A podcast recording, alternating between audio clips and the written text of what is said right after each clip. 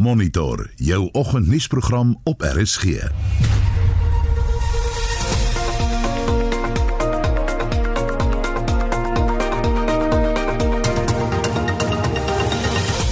die program RSG verloor meeste van sy permanente personeel as deel van die SAIK se herskikkingsproses.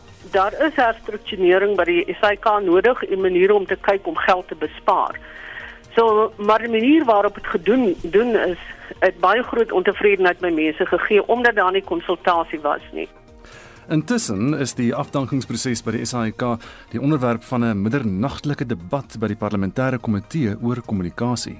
En beloftes maak skuld, sê president Cyril Ramaphosa aan buitelandse beleggers. In our book now, what is clearly written is implementation, implementation, and implementation. The priorities that we are focused on now include a massive infrastructure build program, an employment stimulus plan to create and support jobs.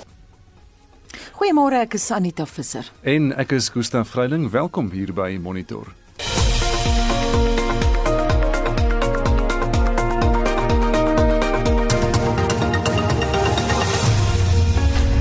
12 minute oor 6 en jy is ingeskakel hier by Monitor op RSG. 'n Oorsig nou oor die koerant voorblaaie van Donderdag die 19de November.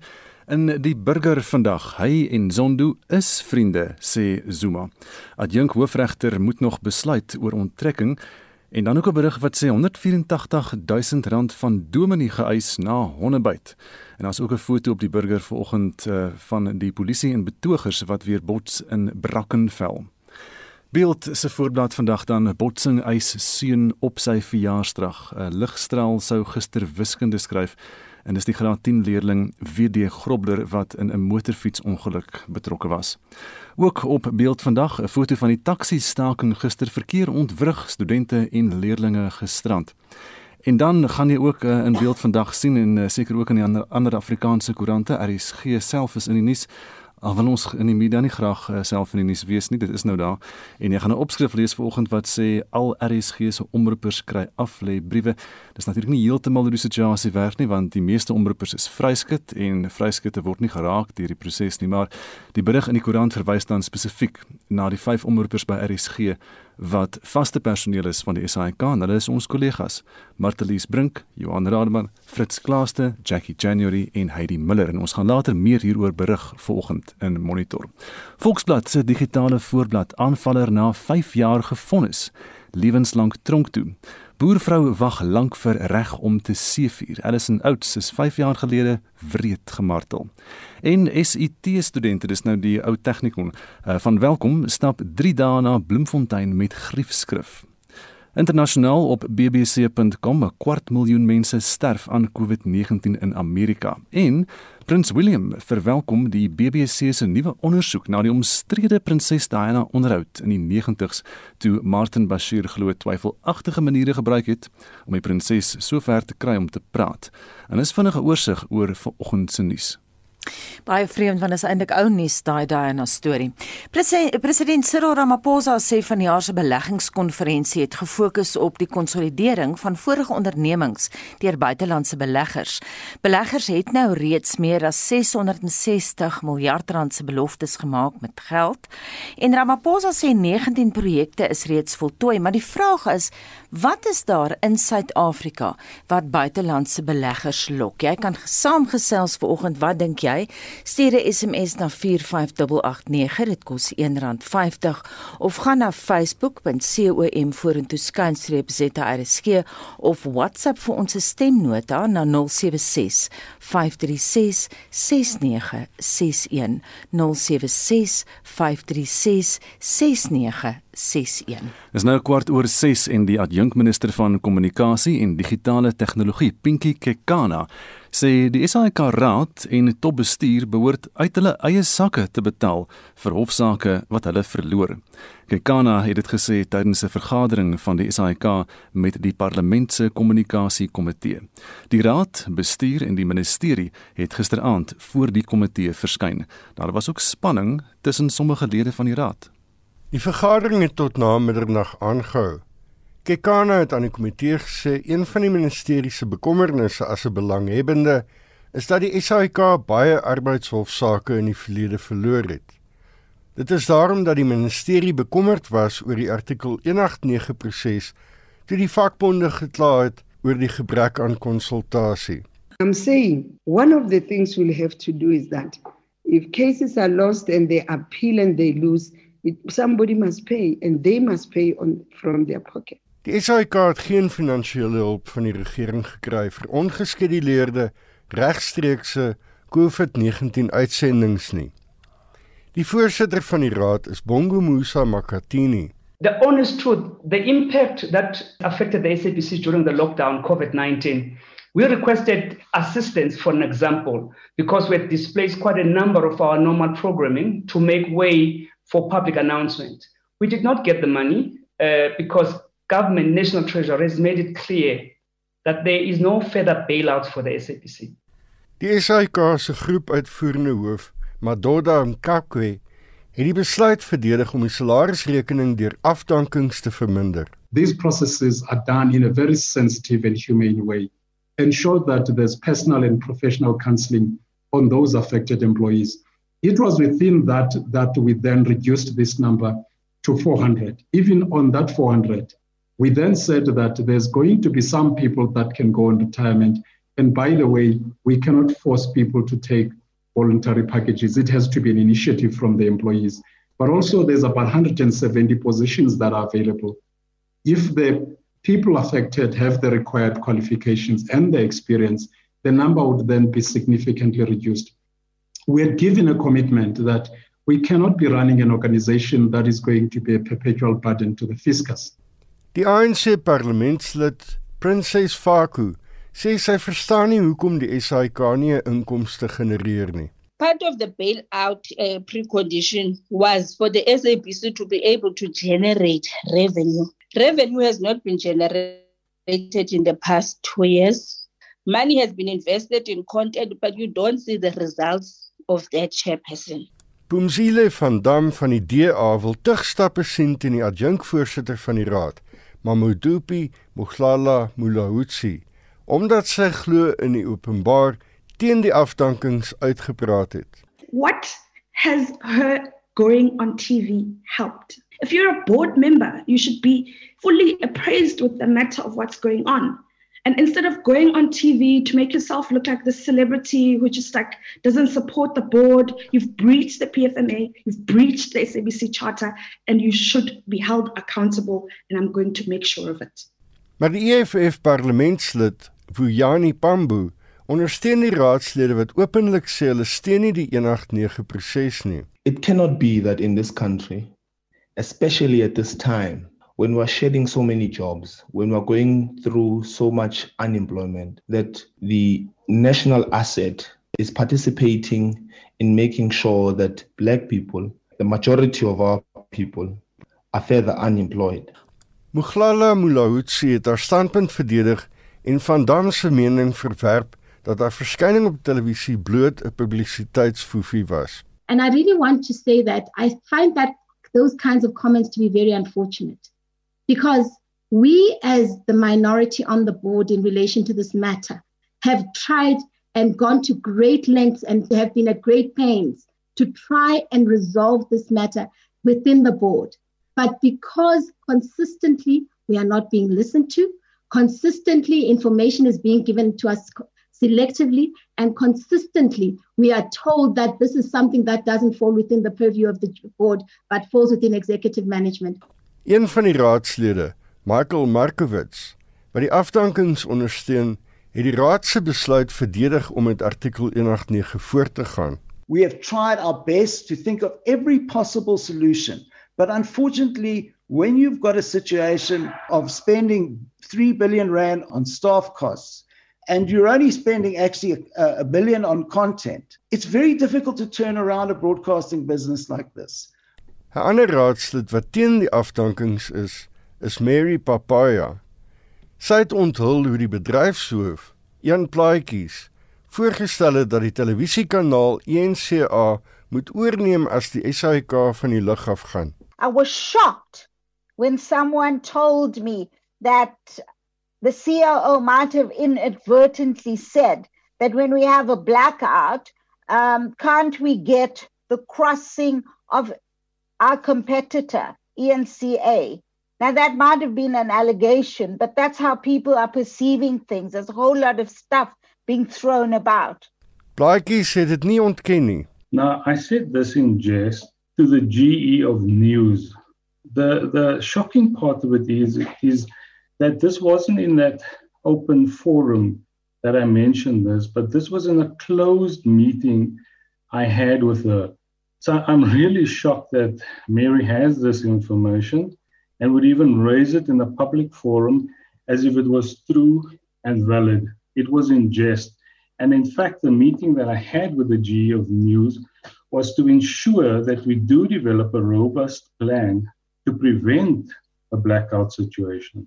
Die IFP raadslid Sandile Majosi het die standpunt van baie komiteelede in sy kommentaar weerspieël. The shareholder and the SAPC board must just go back because it's not the responsibility of the board only. The shareholder also must be responsible for the entity and uh, go back and say that what is it that we can do actually to make sure that we solve this. And whatever decision is taken now, we'll support it and move forward. Die SAIK Raad sal later vandag 'n dringende vergadering hou. Hierdie bydra van ons parlementêre verslaggewer, Mercedes Besent en ek is Hendrik Martin vir SAIK nuus. 622 in tyd vir ons sakeverslag aangebied deur Tian Eberson van PSC Wealth Pretoria Oos Môre Tian. Môre Anita. Pfizer het gister aangekondig dat hulle spoedig aansoek gaan doen by die Amerikaanse FDA vir goedkeuring van hulle vaksinne nadat finale toetse 95% effektiwiteit getoon het. Dit baan die weg dat distribusie van die vaksines reeds moontlik in Desember kan plaasvind. Ten spyte van hierdie goeie nuus, sluit die S&P en Dow Jones beide ongeveer 1.1% laer en die Nasdaq 0.8% laer. Nadat Tesla Dinsdag die dag 8.2% hoër gesluit het, beweeg dit steeds hoër om 'n verdere 10.2% by sy prys te voeg. Nog wenners was Caterpillar en Salesforce wat onderskeidelik 0.8 en 0.4% hoër sluit. Op plaaslike bodem is meer as 50 beleggings met 'n gesamentlike waarde van bykans 110 miljard rand by die jaarlikse Suid-Afrikaanse beleggingskonferensie aangekondig. Die JSE sluit bykans 0.5% hoër op 57323 punte. Die finansiële en hulpbronindeks sluit onderskeidelik 0.3 en 0.4% hoër. Die groot wenners op ons beurs was Spar wat die dag 13,2% hoër gesluit het nadat die kleinhandelaar beter as verwagte resultate bekend gemaak het. Nog wenners was Redefine wat 6,9% hoër sluit en Textainer en PSG Consult by die meer as 5% in groen. Aan die verloders was Santam met 4,9% laer en Goldfields 4,3% in die rooi. In Europa blyk 'n post-Brexit handelsooreenkoms al meer 'n werklikheid te wees. Volgens gerugte kan so 'n inkomste moontlik al so vroeg as volgende week bereik word. Inflasie in die VK was 0,7% hoër jaar op jaar in September, wat wat die lae ekonomiese groei daar onderstreep. Die FTSE in Londen sluit 0,3% hoër. Die Duitse DAX en Franse CAC 40 sluit beide 0,5% hoër. In die ooste vanoggend verhandel die Nikkei 0,9% laer. Die Hang Seng in Hong Kong is 0,5% laer met 10 sent, so wat 1,2% laer. In Australië is die ASX vanoggend 0,1% laer, die BHP Billiton 1,1% laer. As ons dan net na die hulpbronne kyk, Brent olie verhandel teen 44 dollar per vat, goud verhandel teen 1869 dollar per fyn ons en platinum verhandel teen 949 dollar per fyn ons. Die valutamarkte betaal hier vanoggend R15.52 vir Amerikaanse dollar, R20.55 vir 'n Britse pond en R18.39 vir die euro. Anita, hier groete tot môre. Mooi dag. Baie dankie dit aan die sakeverslag aangebied deur Tian Eberson van PSC Wealth Pretoria Oos. Welvaart, 'n woord met soveel verskeie betekenisse. Vir jou is dit dalk sekuriteit vir die toekoms, 'n manier om jou geliefdes om te sien of die middel tot die verwesenliking van jou drome. PSG Wealth Pretoria Oos verstaan dat jou behoeftes uniek is. Kontak PSG Wealth Pretoria Oos by 0861774000. Dis 0861 PSG000 vir spesialisadvies in die beleggingswêreld. PSG Wealth Finansiële Beplanning is 'n goedgekeurde finansiële dienste Dis nou 25 minute oor 6 uur by Monitor op RSG en die eerste Noord-Kaapse windplaas is aan die nasionale kragnetwerk gekoppel. Die aanleg by Springbok sal krag aan meer as 150 000 huishoudings verskaf. Die Kangnas windplaas is deel van die regering se onafhanklike volhoubare kragprodusente program. Daar is op die oomblik 33 windplase in verskillende stadiums van ontwikkeling reg oor Suid-Afrika. Meeste van hulle is in die Oos of die Wes-Kaap. Die provinsiale windplaas wat 61 turbines het, is deur plaaslike mense gebou. Die bestuurder van die windplaas is Mani Kotse. Kangas windplaas is gebou deur 'n trotse Suid-Afrikaanse span wat grootliks afkomstig was van die plaaslike Namakwa munisipale area en sal voortgaan om die gemeenskap te ondersteun deur sy 20 jaar bedryfsperiode. Kanglas Windplaas in die Noord-Kaap naby die dorp Springbok het amptelik in bedryf gegaan. Dit is die eerste in hierdie provinsie wat deel uitmaak van die regering se tender rond te vier vir onafhanklike kragvoorsieners van hernubare energie. Gemeenskappe rondom Springbok put ook voordeel uit die projek. Cheryl Patensie is verantwoordelik vir die plaas se ekonomiese ontwikkeling.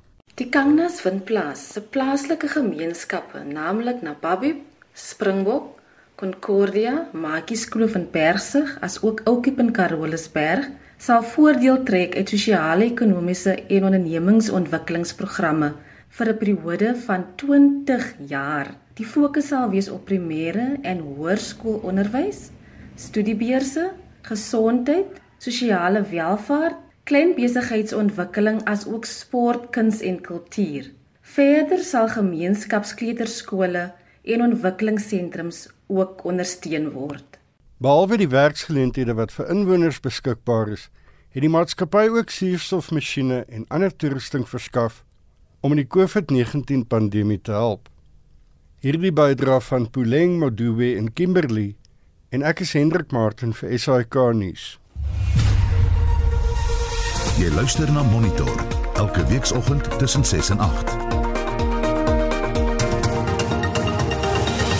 Dis half 7 en in die nuus. Dis onwaarskynlik dat die omstrede kerkleier Shepherd Bushiri vandag by die Landdroshof in Pretoria sal aanmeld, wat beteken dat hy miljoene rand en sy eiendom kan verloor. Die minister van verdediging, Nosifiwe Mapisa-Nkakula, bevestig dat die ANC wel sy deel van die reiskoste vir 'n vlug na Zimbabwe betaal het. En betogers by Hoërskool Brackenfell in die Kaap loop hulle teen die polisie vas. But what they have done to us, it is it is very uncalled for uh, to to block the way for us to enter the Brackenfell. And Brackenfell remain within Azania, within Africa. Bly ingeskakel. Hendrik Moore. Môre Anita, as so president Cyril Ramaphosa het ons gister vertel die beleggingskonferensie wat hy gehou het was gemik op die konsolidering van vorige ondernemings wat deur buitelandse beleggers gemaak is en dit is naamlik meer as 660 miljard rand se beloftes. Die president het ook gesê dat dan 19 projekte reeds voltooi is en die vraag dan vanoggend aan ons luisteraars is wat is daar in Suid-Afrika wat hulle reken buitelandse beleggers kan lok.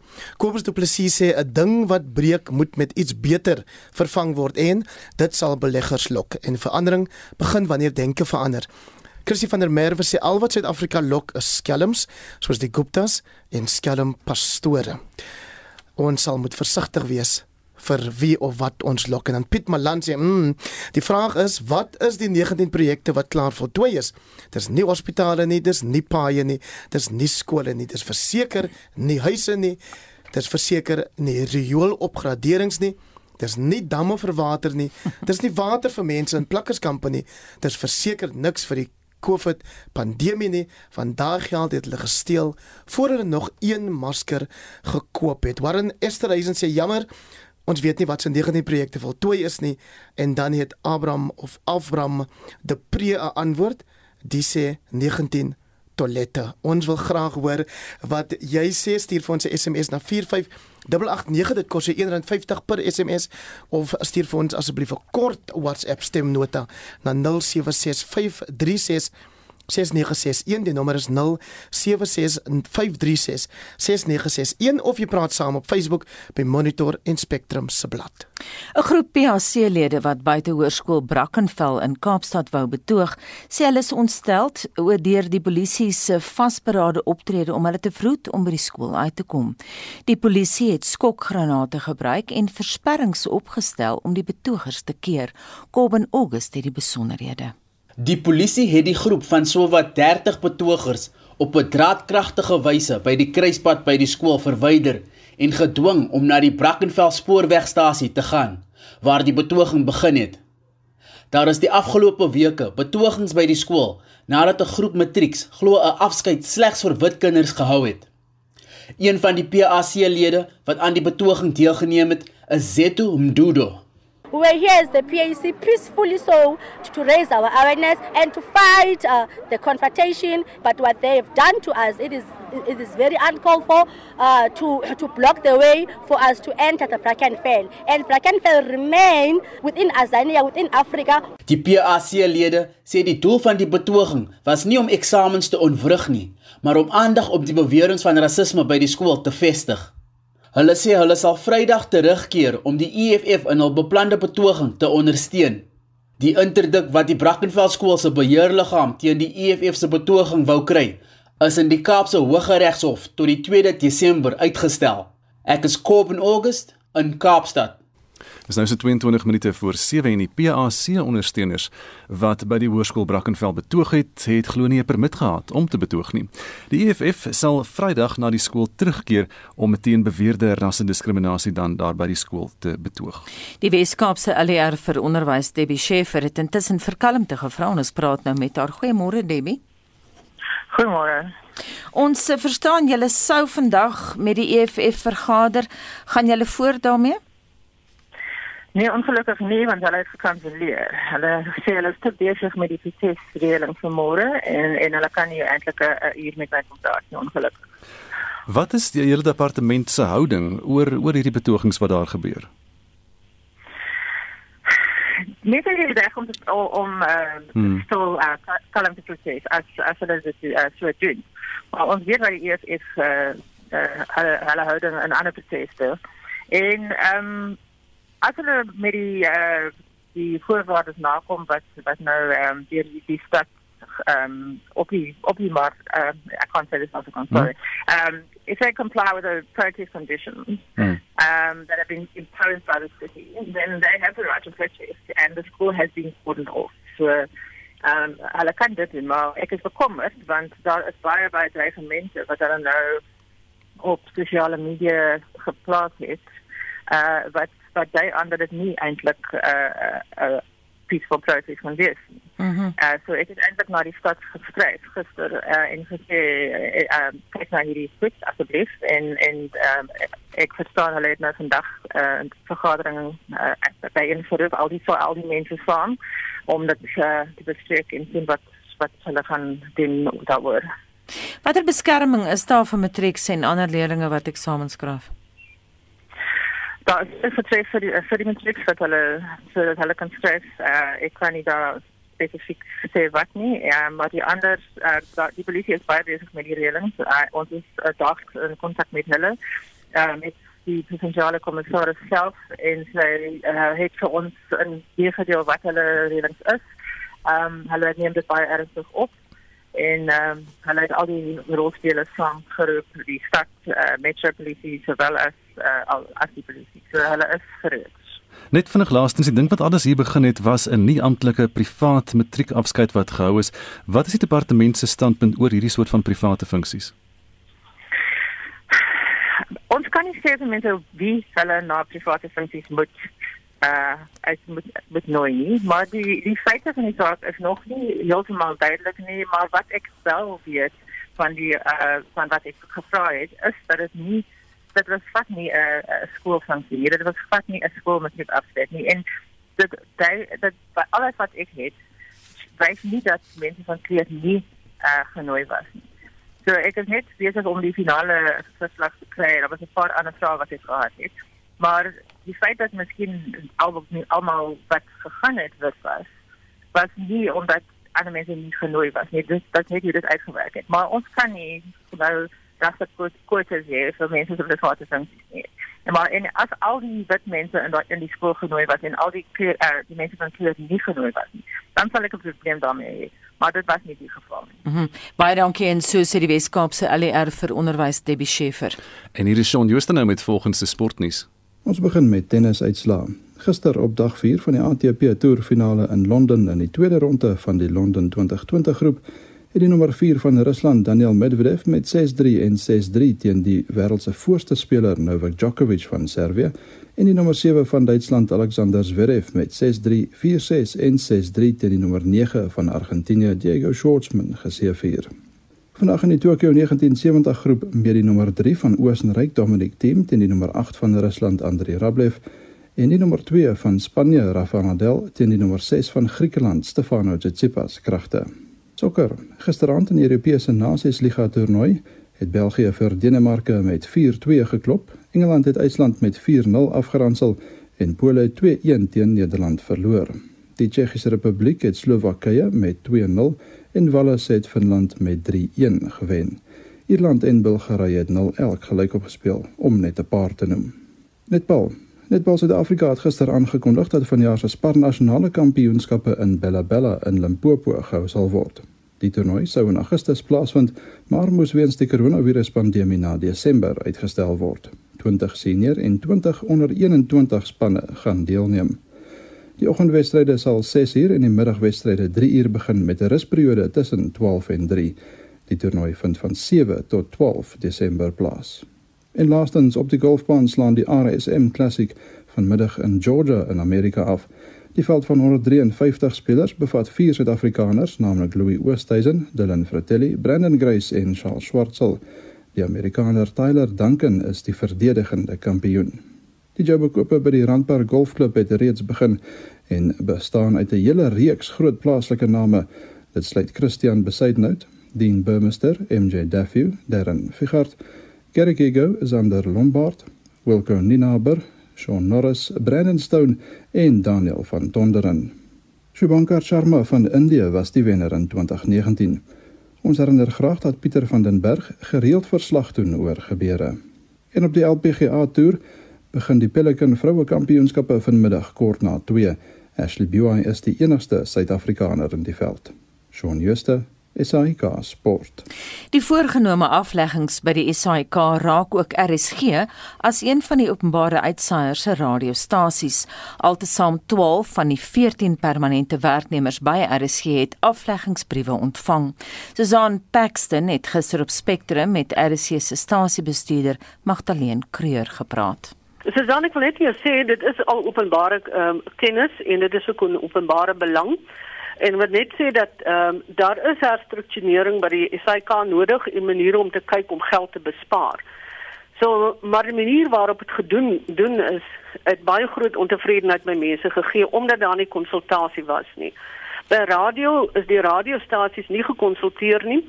Daar nie gaan sit en gepraat en gesê is dit die poste wat maar kan gaan ehm um, en is dit die nuwe tipe poste wat nodig is nie daar is poste wat byvoorbeeld nie nodig is nie, maar wat in die nuwe organogram is. So ons probeer nou as uh, radiostasies om 'n uh, gesprek te kry met die hoof van radio en en die SAK se toe bestuur sodat ons met hulle 'n gesprek gaan kan gaan oor die die probleme wat ons het want hulle sit ons in 'n moeilike posisie. Ons moet aangaan met die stasie. Maar uh, dit is as jy sê by RSG het 16 vaste personeellede. Twee van die poste is van kant al vir 'n geruime tyd programbestuurder nadat Terrence April afgetree het en die musiekopsteller. Nou as mens daai twee nou wegneem, dan is nou 14 permanent is. En van die 14 mense, dit is eintlik makliker om te sê dat net twee nie briewe gekry het nie en dit is die stasiebestuurder en die sekretaresse van die stasiebestuurder. So dit maak ook nie eintlik sin nie.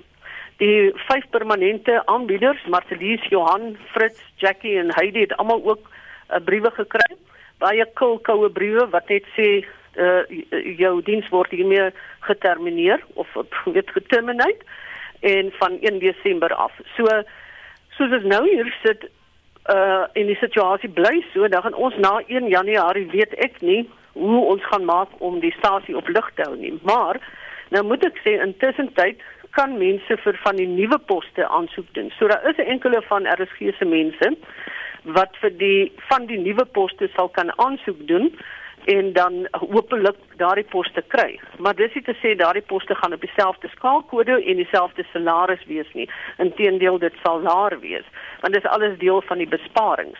Maar die vyf uh omroepers uh gaan nie weer uh, vaste poste daar gaan hulle sal nie weer kan aansoek doen vir hulle poste nie. So hierdie proses moet nou gebeur tussen nou en Kersfees moet daar nou poste adverteer word en die hele proses van aansoek doen en en en sif en onderhoude doen moet gebeur. En ek weet nie ek is baie uh um skepties dat dit sal kan gebeur voordat die wêreld sluit hierso op ou Kersfees. So dit is vir ons 'n uitdaging, dit is vir ons ook 'n 'n 'n groot slag dat ons nou met hierdie situasie sit. Hmm. Wanneer jy teruggaan na daai konsultasieproses toe, so daar was geen konsultasie gewees met julle oor hierdie nuwe struktuur en hoe dit uh, glo sou werk nie. Kyk, die hoofde van die departemente het opdrag gekry om nuwe strukture uit te werk, soos wat die ek, ek herhaal nou wat die raad raadslid gesê het en die raadsvoorsitter ook gesê het. Uh ek dink die raad en die raadsvoorsitter het nie miskien al die inligting uh dat dit nie gebeur het op grondvlak nie.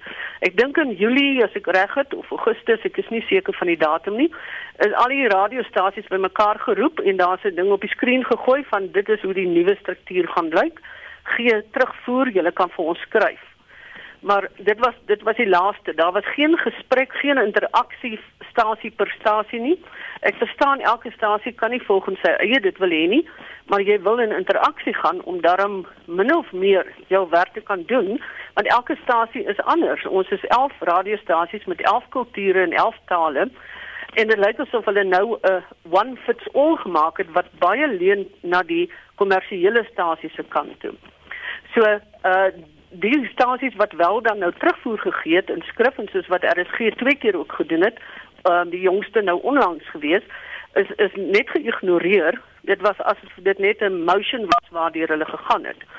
So dit is ons groot probleem dat dit help nie. Ons gaan in 'n nuwe struktuur in en dit is die nuwe struktuur is nie eintlik iets wat kan werk nie. Daar moet 'n bietjie getweek word nie.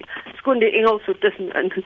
Maar so so ons probeer om vir 'n uh, bestuur te kry om te luister na ons radiostasies.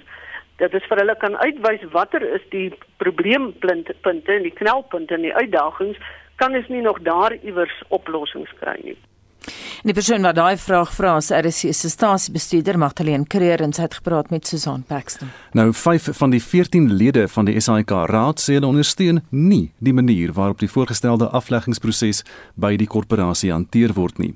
Die adjunkvoorsitter van die raad, Mamodupi Mohlala Molotsi, is een van die 5 en haar het sy haar standpunt hier uiteengesit. Okay, we're basically saying that the process of retrenchment is not the proper process to, um, to undertake in this particular instance. We are saying we are mindful of the fact that there are costs. There are, two high cost drivers in, at SABC, which is signal distribution and the, and the salary bill or the staff costs.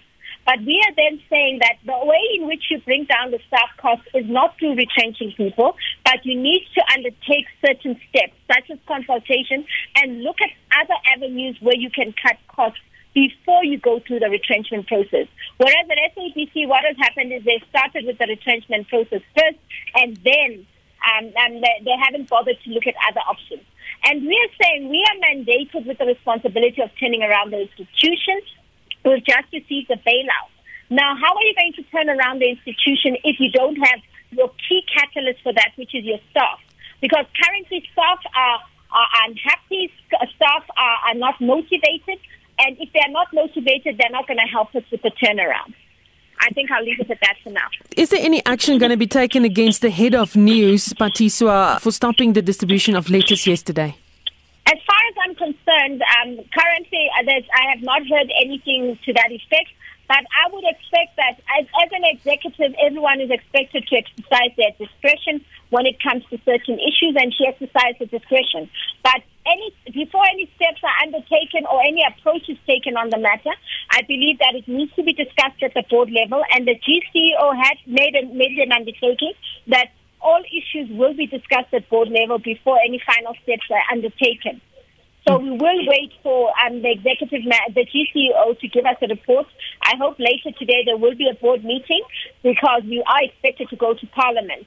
And uh, when we get to Parliament, we would obviously would have wanted to have discussed these issues as a board. So we will obviously discuss this issue around um, what steps, if at all, against the, the, the, the, the executive news. Because we do understand the challenges that, will be, that are being faced by the staff and the emotions that go into the matter. Up until now, the SABC workforce and the general public were not aware that there are factions in the board regarding the restructuring process. Is this a new development? Okay, I think the word factions is a strong word, but I think we have different. We we have a voice of dissent around this issue of Section 819, and I think it's a very serious issue because at the end of the day, we are talking about people's livelihoods. We are talking about the sustainability of the SABC going forward because we, uh, from where we sit, we are saying by cutting down on staff, we are actually directly affecting the sustainability of SABC. You are not helping it to be more sustainable because you are cutting off its arms and expecting it to perform. Because the staff of the SABC are the arms of the SABC. So for us to perform, we need those staff members to be in those positions because this retrenchment process is also going to have a serious impact on experienced staff members. So what are we saying? The very people we need to implement the turnaround for us to make us more sustainable, we are getting rid of them. And I'm sure you saw that yesterday we posted losses of almost 500 million. And we are saying we need urgent intervention to make sure we don't continue to suffer loss. And if this impasse is not resolved, there's a threat that there will be a blackout, which will mean we will continue to spiral into more financial difficulties. So the best thing is let's rather withdraw from this process. Let's look at other alternatives on how we resolve the matter. You mentioned your meeting with Parliament's uh, communication portfolio later. What will be discussed there? Well, they will be discussing the issue of Section 189, I assume, and there'll also be a discussion around the losses we've suffered, but there'll also be a serious discussion around what happened in the newsroom yesterday.